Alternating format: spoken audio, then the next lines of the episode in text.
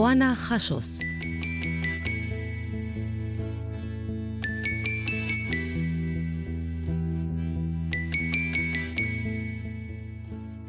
Poesia zen hasieran. Victoriano Gandiagaren hasieran poesia.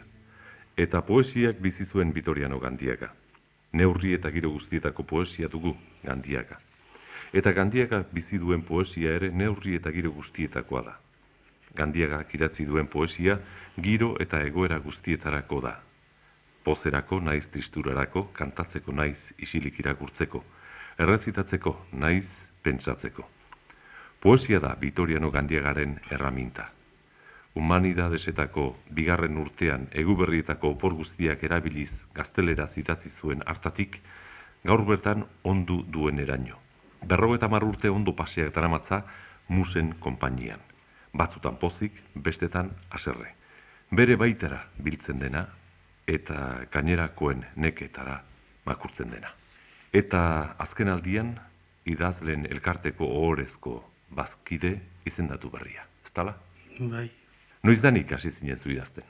Ba, hola neure kontura, lehen aipatu duzun gabonetako poematxo horrez gainera, ba, forun, forun eta gaia ere gogoratzen dut, han muruetatik aurrera joaten ginen, iturritxo batera, ez dakite nola duen izena han muruetan aurrera. Eta han, ba, etxe bat, iturria baino lehenago, eta etxe hartako txakurrak beti egiten zigun gogor, txakur txiki bat zen, pintxua. Eta beti ba zaunka, eta gu ere, ba, beti ba, geureak egiten, berari zinuak egiten, da hola zerbait botako genion planta egiten, da hola ez da. Eta alako baten katia hausi zuen. Eta zer egingo txakurko txauak, eta joan zen lehenengo topatu zuen norma kontrara eta txiz egin zuen. Tir, tir, tir, tir, txiz egiten antxe jarri zen. Ba, etxera joan, eta hori ze, pasaiz hori ze eskribitu nuen. Eta Salvador bihain diktatzen ari nintzen e, e, makinara pasatu zezan. Ez dut konservatzen, eh? Eta hontan etorri zen aita Josemari Beristain. Eta aita Josemari Beristainek, zer, zer, zer, ba, berso batzuk eskibitu ditut eta ba hoizek hola makina zipintzen da. Ia zer diran. Eta, bueno, ba, gordintxo zegoen nonbait. Eta esan ziren, hola ez zale eskribitzen. Beste modu batera. Hola koitzak eta ez zirela ipintzen eh, paperean, hola ez zirela. Ez zala hola eskribitzen. Mhm. Aitzera eman izan zidan horixe. Eta, bueno, ba, barrezkeo kontu gehiago izan dut. Eta orain e, Josemari Beristain fale lagun duzu.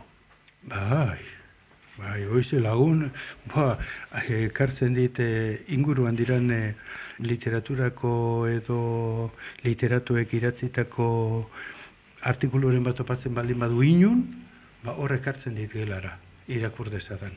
Egiten diot estimazioa. Vitoriano Gandiega artetxe, mila bederatzireun eta hogeta zortziko urriaren zortzian mendatako orbelaun baserrian jaioa. Orbelaun, mendi artean galdutako baserri zaharkina, diozu zela, zure jaiotetxea, gabondutan untzio liburuan.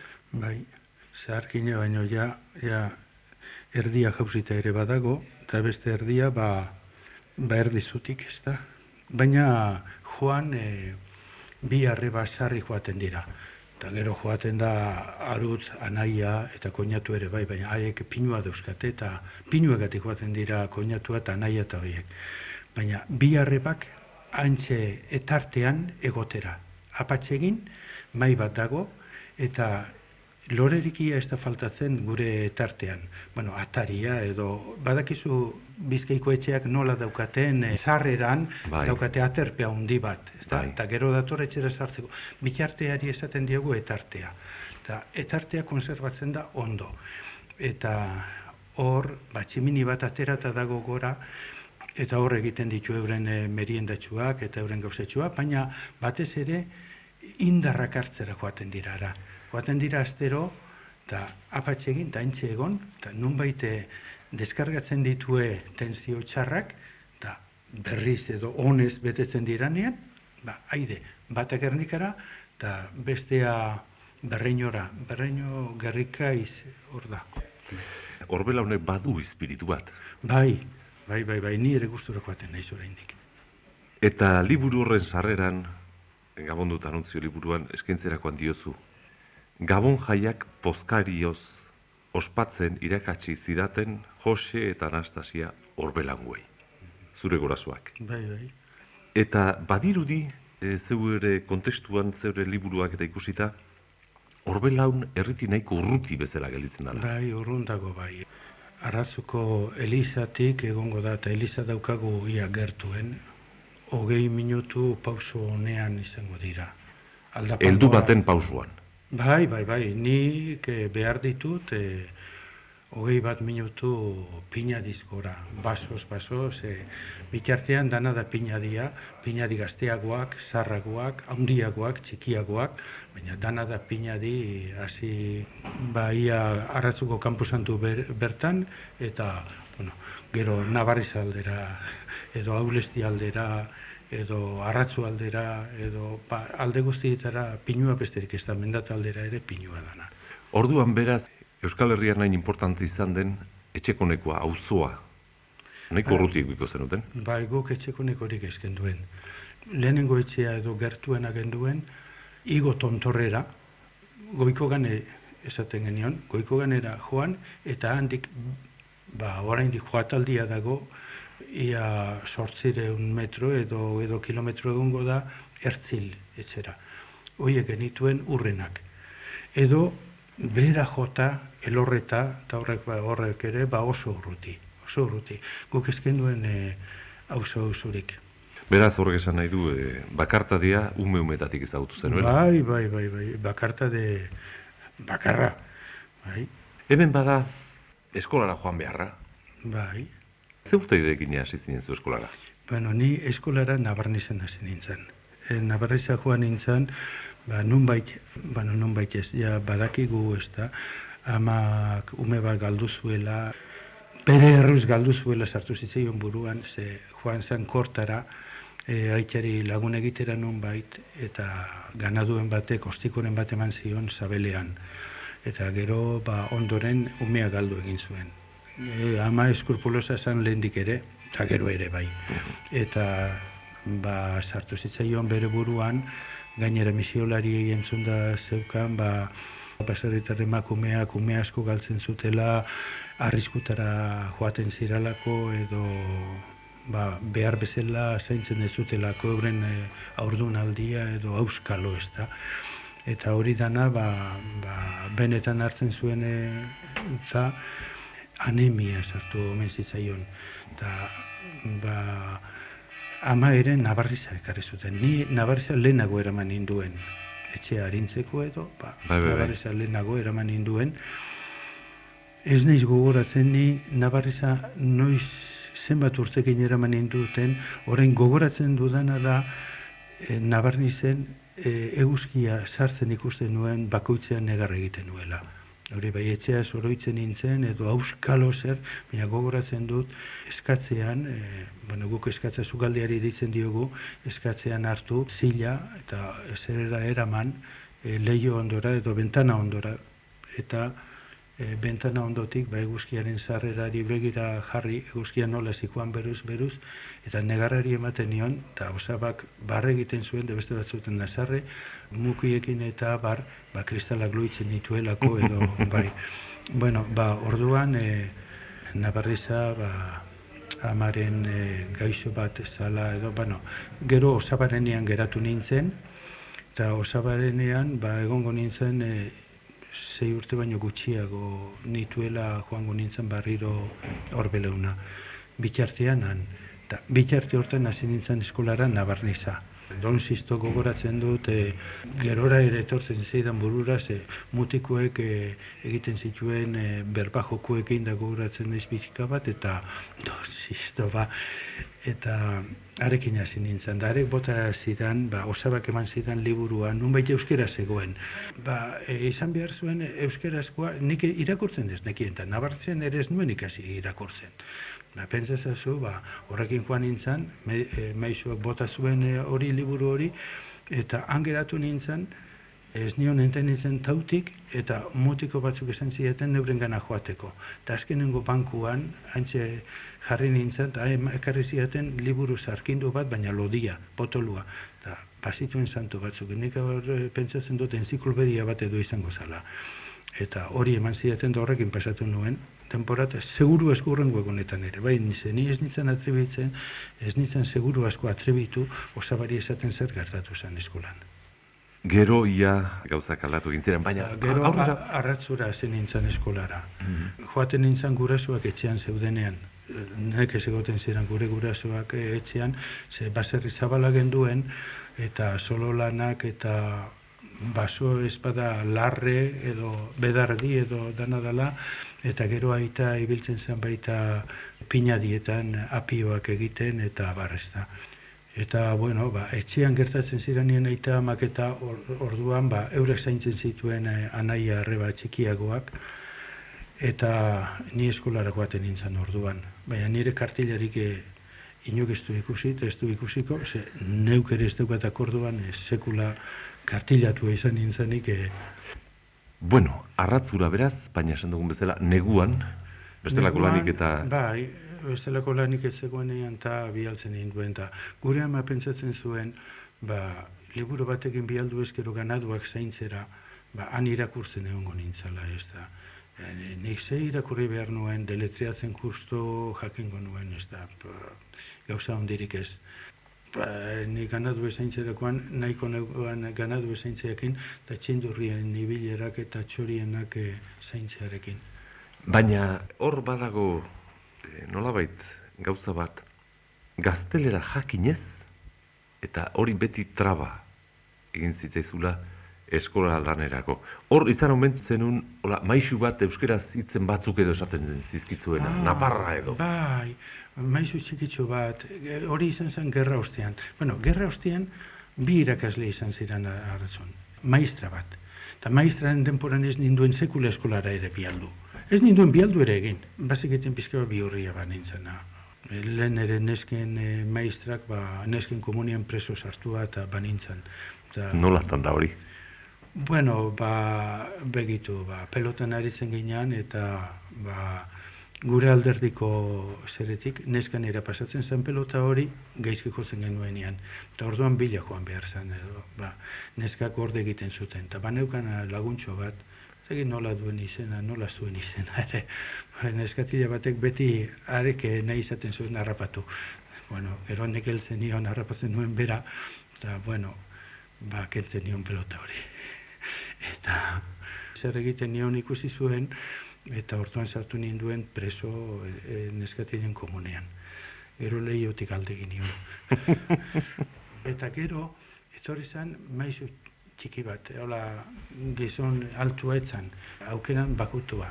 Eta arek eramaten gintuen lehiora, eta galderak egiten zituen zer gustatzen zitzaigun gehien koloreetan esate baterako ni berdea esaten nion beti. Berdea gustatzen zitzaidala eta egia da, ba, berdea gustatzen zitzaidan orduan gehien.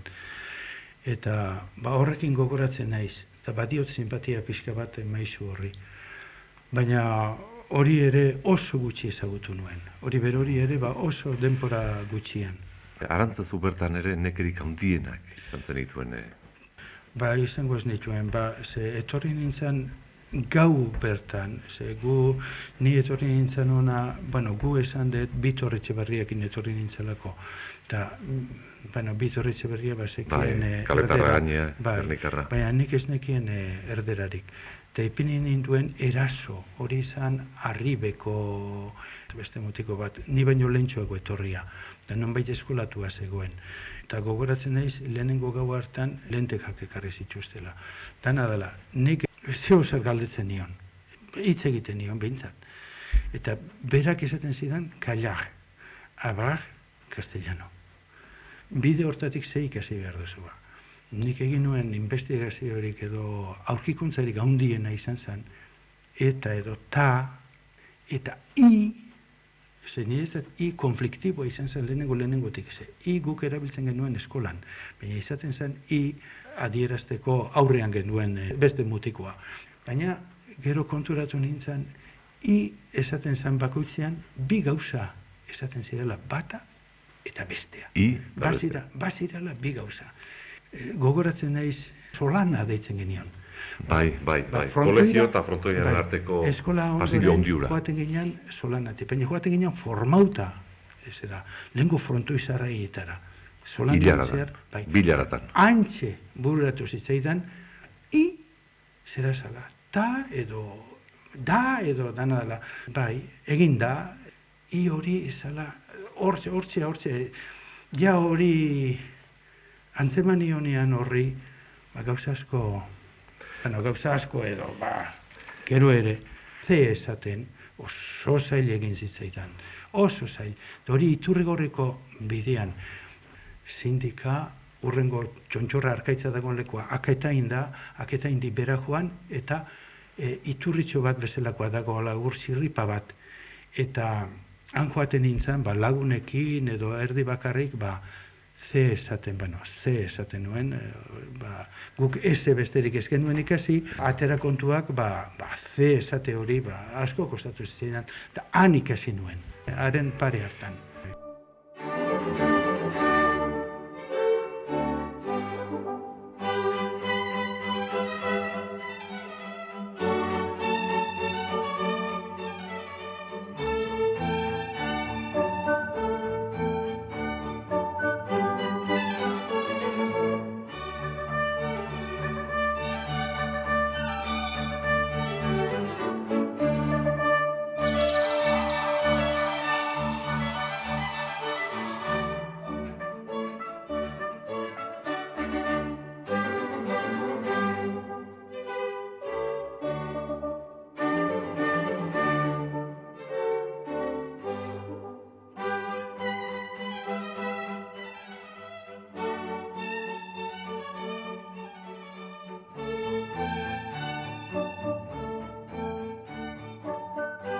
Eta gero, ia, esaten duzu, zure aitorpena da uda batez Madrilen e, liburuan esaten duzu, Euskara maskaltzeraino ikasi nuen gaztelera.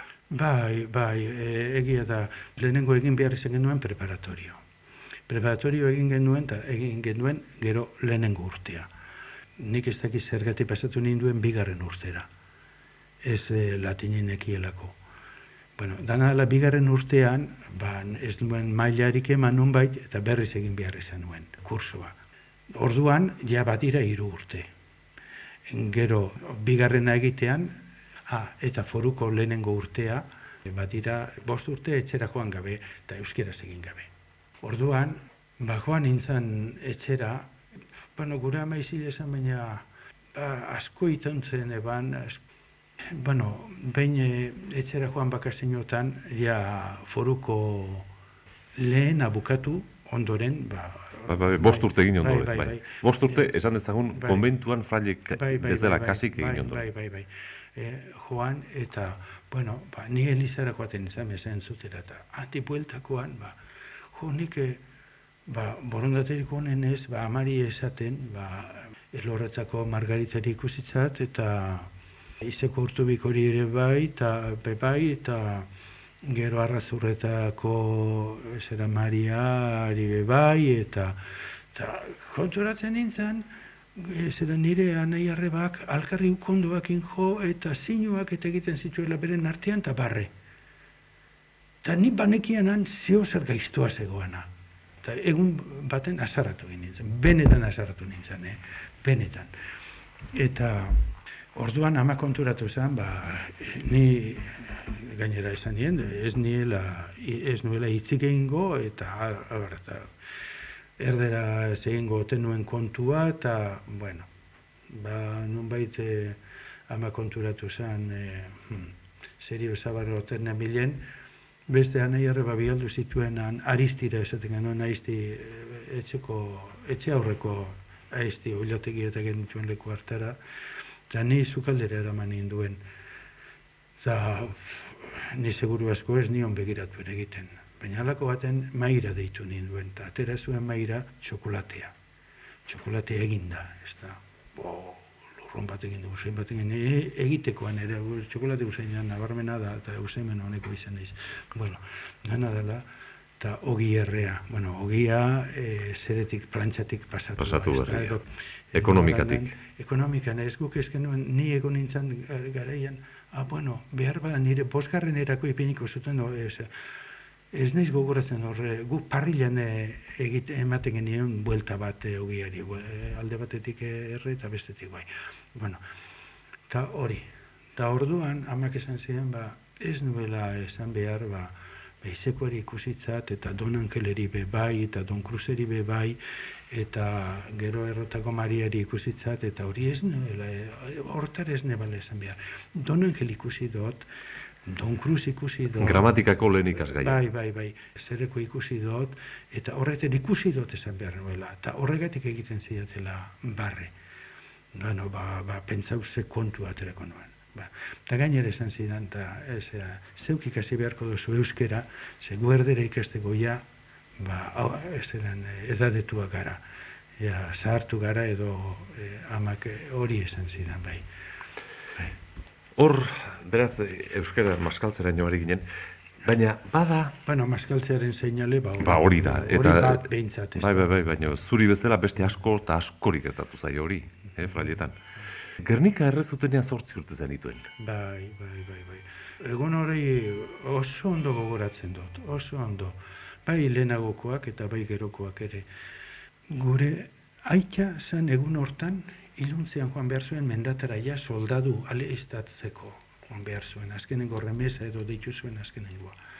Orduan, ba, nik uste dut, Baskalondoan izan zela, ba, Baskalondoa daukanik, eta abioi burrumba gaiztoa abiatu genduen, eta pentsa izu ba, amak etxetik alde egin zuen. Eta uliatik joan zen, lehen esan dutan arbolat, e, ez da, aristiko, bai. aristiko, ez da, uliategira. Eta ni ere ara deitzen ninduen. Aitea behiak bustartu, eta nire ondorengo anaiakin, zehar solo deitzen genion, solora joan zen, lantzera, ze behar zigun zerbait aurreratuta utzi, soldadu joan behar zuen ta. Eta pentsau, ni nintzen zarrena sortzi urte, ama, eta gero anai arreba morro bat, txikiagoak, ez da. Bueno, ba, arek ikusi zuen ze panorama utzi behar zuen etxean, eta ba, esan zuen, ba, akabatzen bana dute, berton akabatuko naute, eta, bueno, e, lanera, anaia itxaurren egitera. Ba, zazpi urte egin gabe izango ziren, be, itxaurren egitera. Bueno, dana dela, nik ez zergatik egeatuko nintzen, amaren mendean. Baina amak egun hartan oilategira deitzen ninduen. Eta oilategian errezari errezatzen. Be, amantala bota zuen oilategian lurrera. Pentsa zezu oilategian nola ongo zen. Oilategia gauza zigina da. Eta Bai, bai, bai. oilategi barruan, ba, amantala bota lurrera, belauniko jarri entxe, eskuak gurutzean ipini, eta eh, agur mariaka, ze, a, aura ez zala onerakuata. Honezko etzala eh, han gertatzen ari zen, hainbeste burrumba eta hainbeste takarra da. Ze, ba, e, lehen esan dut oso urrutik ginela, baina gure etxetik ikusten da karretera, bueno, orora, orora parean ikusten da karretera mutur bat. Da, han ere makurtu egiten ziren, e, zera, abioiak. Han ere Bai, bai, bai. egiten ziren. Eta, bueno, eta arbolen adarrak ikutzeraino bajatzen ziren danean, eta, bueno, e, dana dela, nik amari alde egiten nion, nire erroseriotik, ba, ba, zenbat eta burrun bat handiagoa esan, ba, orduan eta gehiago ateratzen nintzen ikustera. Eta amak erdu ona, erdu ona, e, hortxe e, hilko zaitu eta edo, ez, bueno, ez, amak e, ondo ikusten zuen oso grabea zela. Bueno, ba, hau da akordua ez da. Gero handik e, urrengo domekan, Elizara mobidu ginenean, ba, itxari esaten nion, e, aitxa, papelerreak hemen zelaian, bueno, landan. Bai, E, bai, bai. Arratzurretako landa zegoen papelerrez, eta ze, nok egin dugu hemen zua? Ba, pentsa izu, ba, Gernika erre, eta seguru askoa iziak hartu. Eta errautzak ekarri. Bai, errautzak, bai, bai. Baina hori ere oso gogoan daukat, papelerreak nola ziren arratzurretako landan handi pasatzean, ba, gure etxe azpian, ba, e, ikusten dituen e,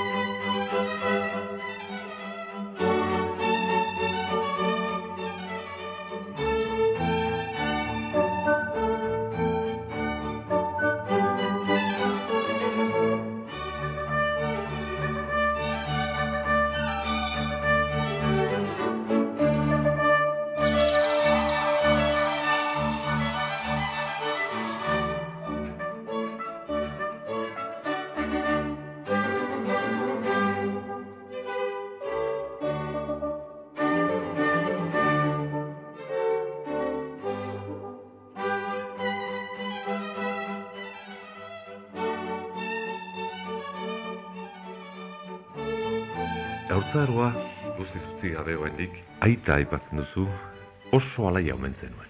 Bai, Gizon librea. Bai, bai, bai, basan bai librea bai. Jose, Bai, ba, bat esango dizute, zera... Orduan, ja mesa eman da nengoen. Eh, esango dutan gauzia da, mesa eman da gero. Baina, total, etzean, etzan aldatu. Gerora ere etzan aldatu, eta... Ba, egun, egun baten ni sekula ez naiz sarri etxera joan, baina han nengoen.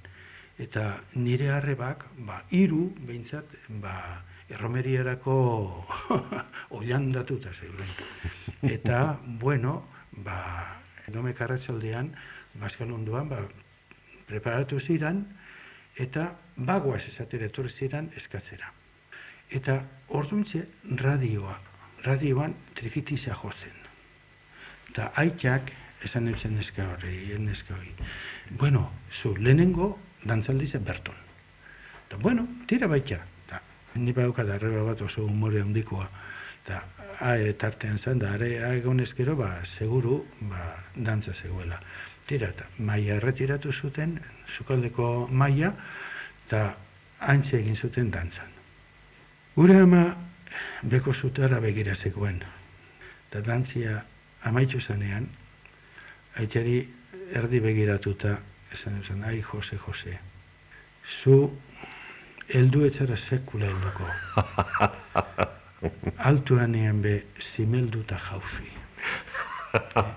Baina, aita beti izan zen, eh, nik ez dakit heltzera heldu zen, bueno, ni badakit heldua zana, gizon heldua zana, ze humorea eta heldutasuna ez dira kontrario, eh, ez da, gutxiagorik ere, ez da.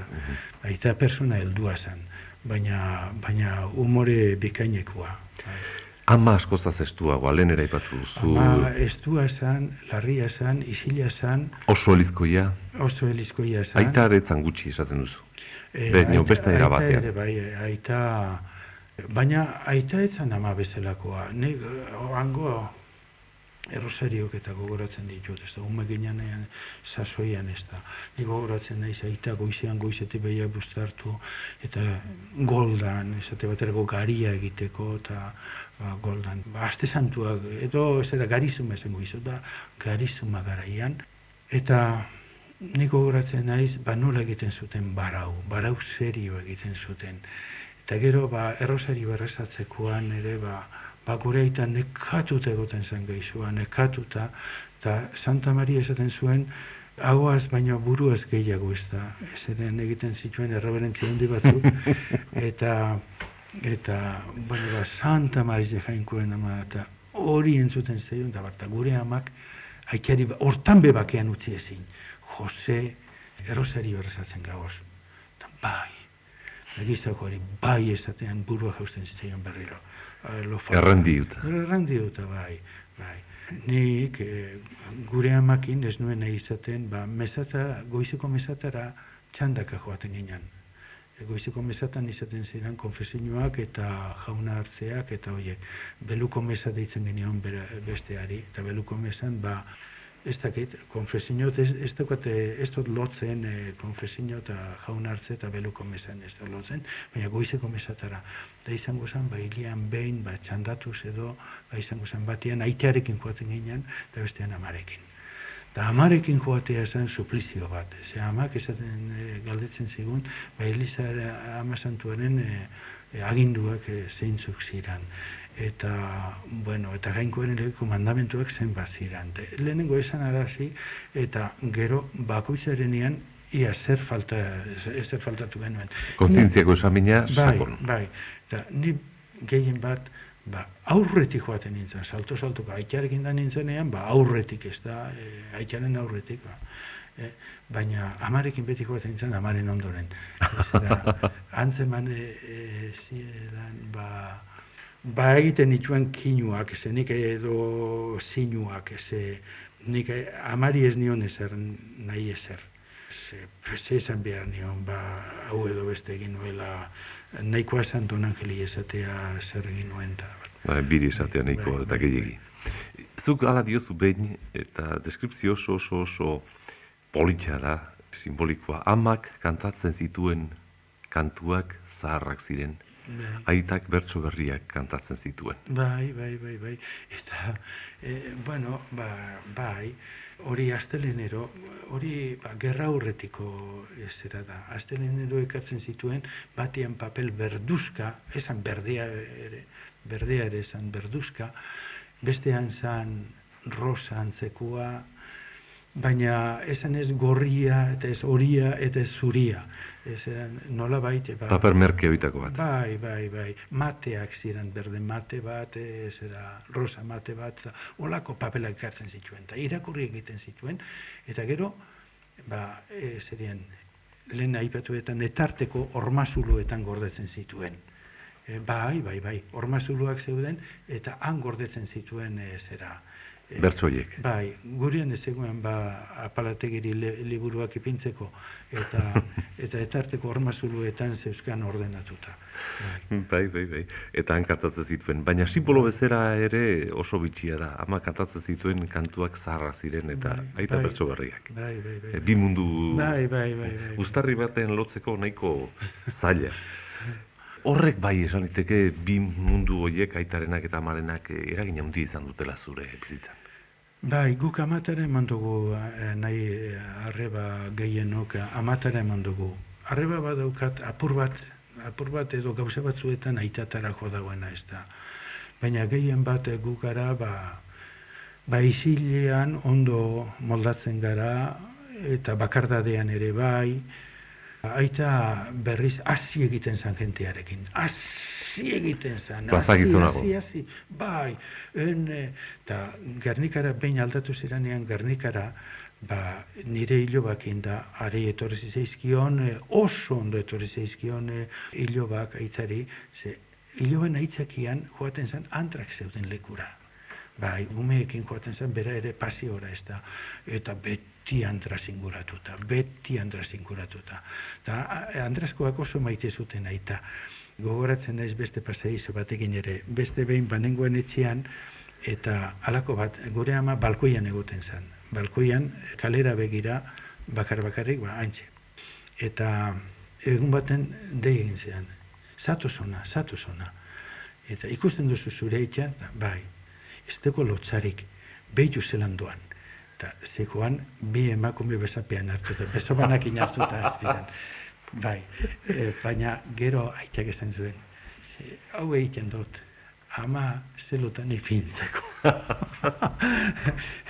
baina ama berak ere bazekin aitari gauza politiak esaten beste behin, ba, bueno, lagun batzuekin joan nintzen, e, eraman ninduen etxera, eta aita etorri zen e, beluko mesatatik, eta bueno, nire lagun horietako batek Angelita Plasentziakoak esan zion, e, ai Jose, ze doktore esatu zen, ze doktore, eta amak aldetu zion arrebari, ze esan deutza Angelita gaitari, ba doktore etorri dela, eta amak, bai Angelita, edo zer gauzatxok emoten deutzu ondo Joseri, edo zer gauzatxok emoten da.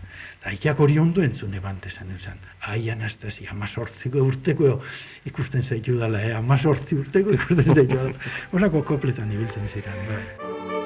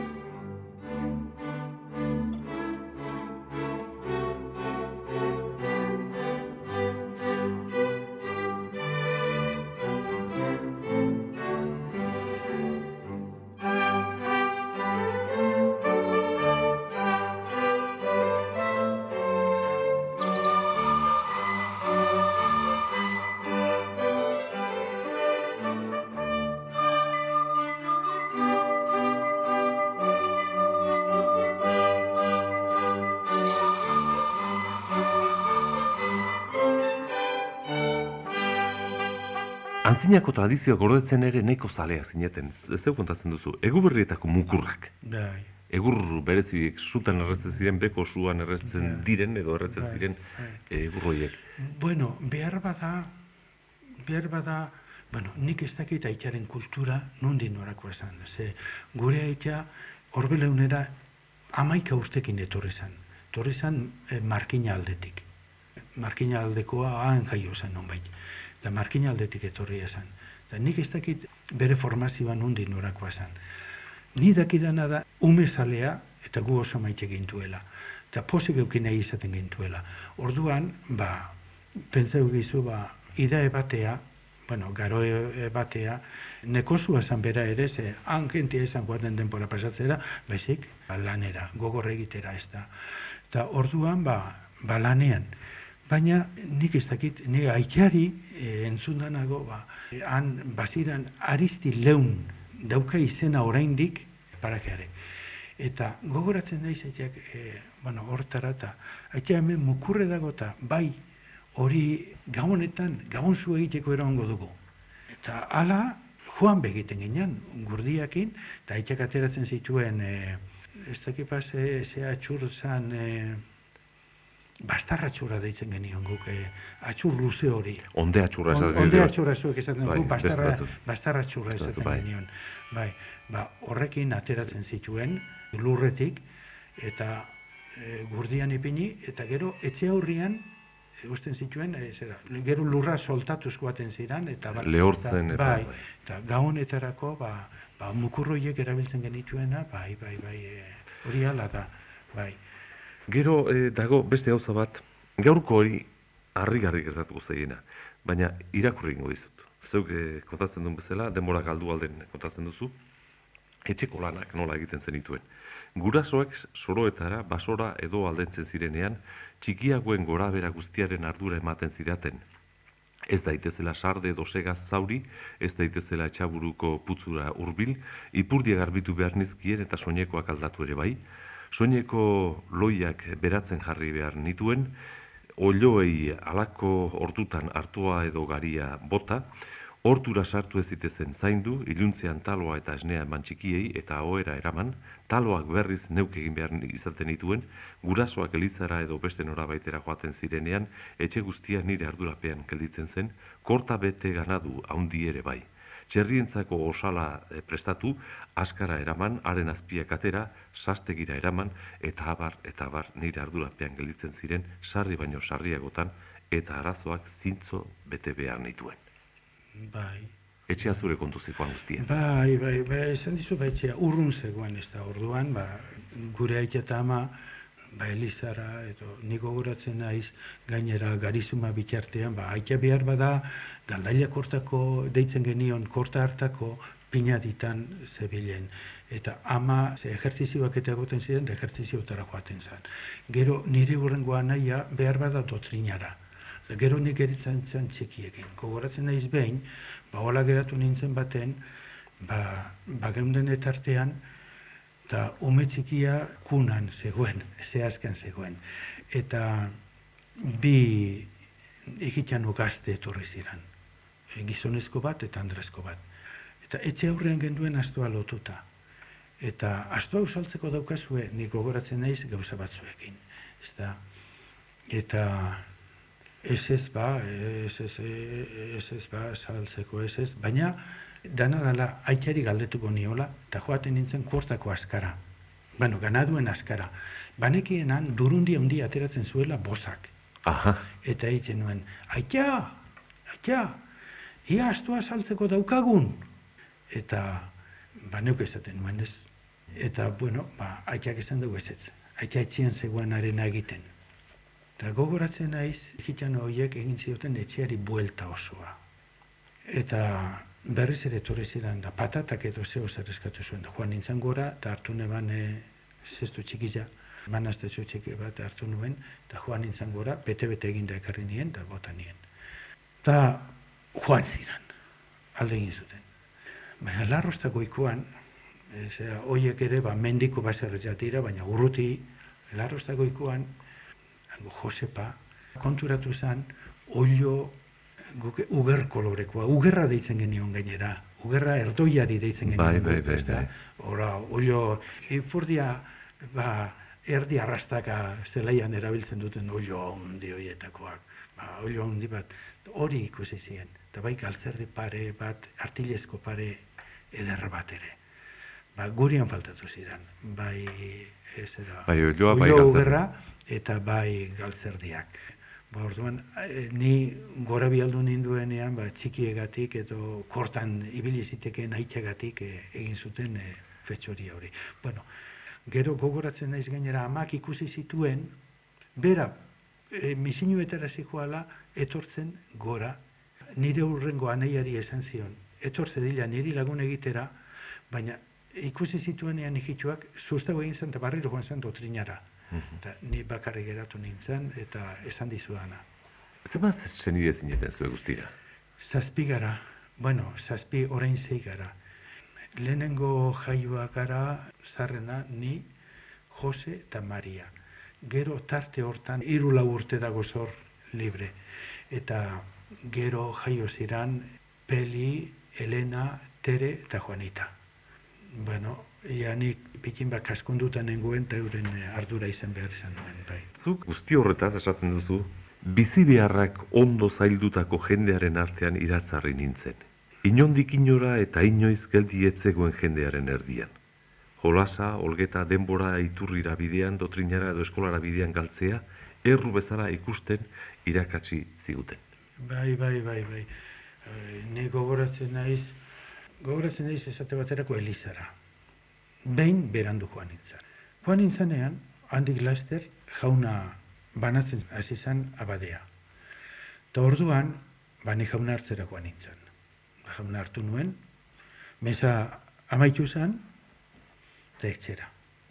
Aita ere mesa hartzen zen. Ez genuen alkar ikusi, ez bera ez beruzkoan eta ez buruzkoan. Nonbait aita lehenago, lehenago irten zen etxetik eta nadala. Etxera joan nintzen, eta aitak amari esan da, ba, berandu ailegatu nintzela etxera. Ailegatu nintzen erako joan nintzen katilu hartu da taloa tesnia jaten hasi nintzen. Gainera, eskilera barrenera joan da. Ez mailan, bezik freskura honean. Eta ate nagusia zabalik zegoen, kortako atea zabalik zegoen, eta tarte hartan, ba, jarri nintzen. Ama eskilera burutik, hasten zait zaparradan, ia, ze ordutan ailegatu nintzen, ia mesti entzundan etorren etxera edo dana ala. Ba, ni baietz, Kasuistikari goendik ikasi gabea zen. da? Nahiko meza zalakuan e, entzun nuena, ama gogor, eta, bueno, ba, gozaltzen eretzean utzi, bere zaparratekin, eta bialdu ninduen Elizara. Urrengo mesatara garaiz joan nindin. Baina bitartean amaak esaten zuen nahiko goiz bialdu ninduela eta mesara sasoiz heltzeko moduan bialdu ninduela.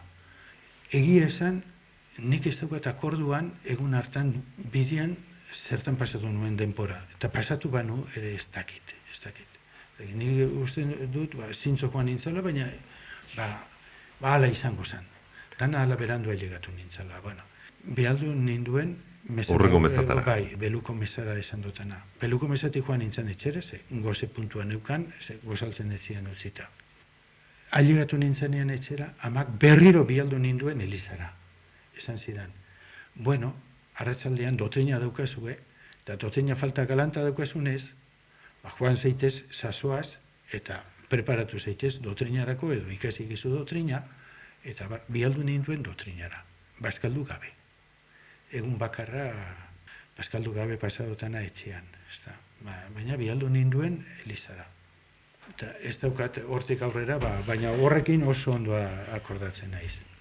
Beraz, gaztaro haurtzaro hau, eh, esan liteke batetik eh, badituzu olako eh, pozaldi handiak. Bai, bai, bai, nik Batez oso- ere zuk azpimarratzen duzu, nolabait eh, naturarekiko izan zenuen harremana. Bai, e, bueno, egia da, amak berak, bat deitzen ninduen esate baterako, ama ar, arbola zalia zen. Aha, Eta aitza ez, Hort- hortik ekarri duzu ordu. aitza ez, aitza hartzaina zen, hartzain Ala. sistema zeukan beti. Eta e, arbolak nun jartzen ziren ba? Ba, zelaian jartzen ziren, landan.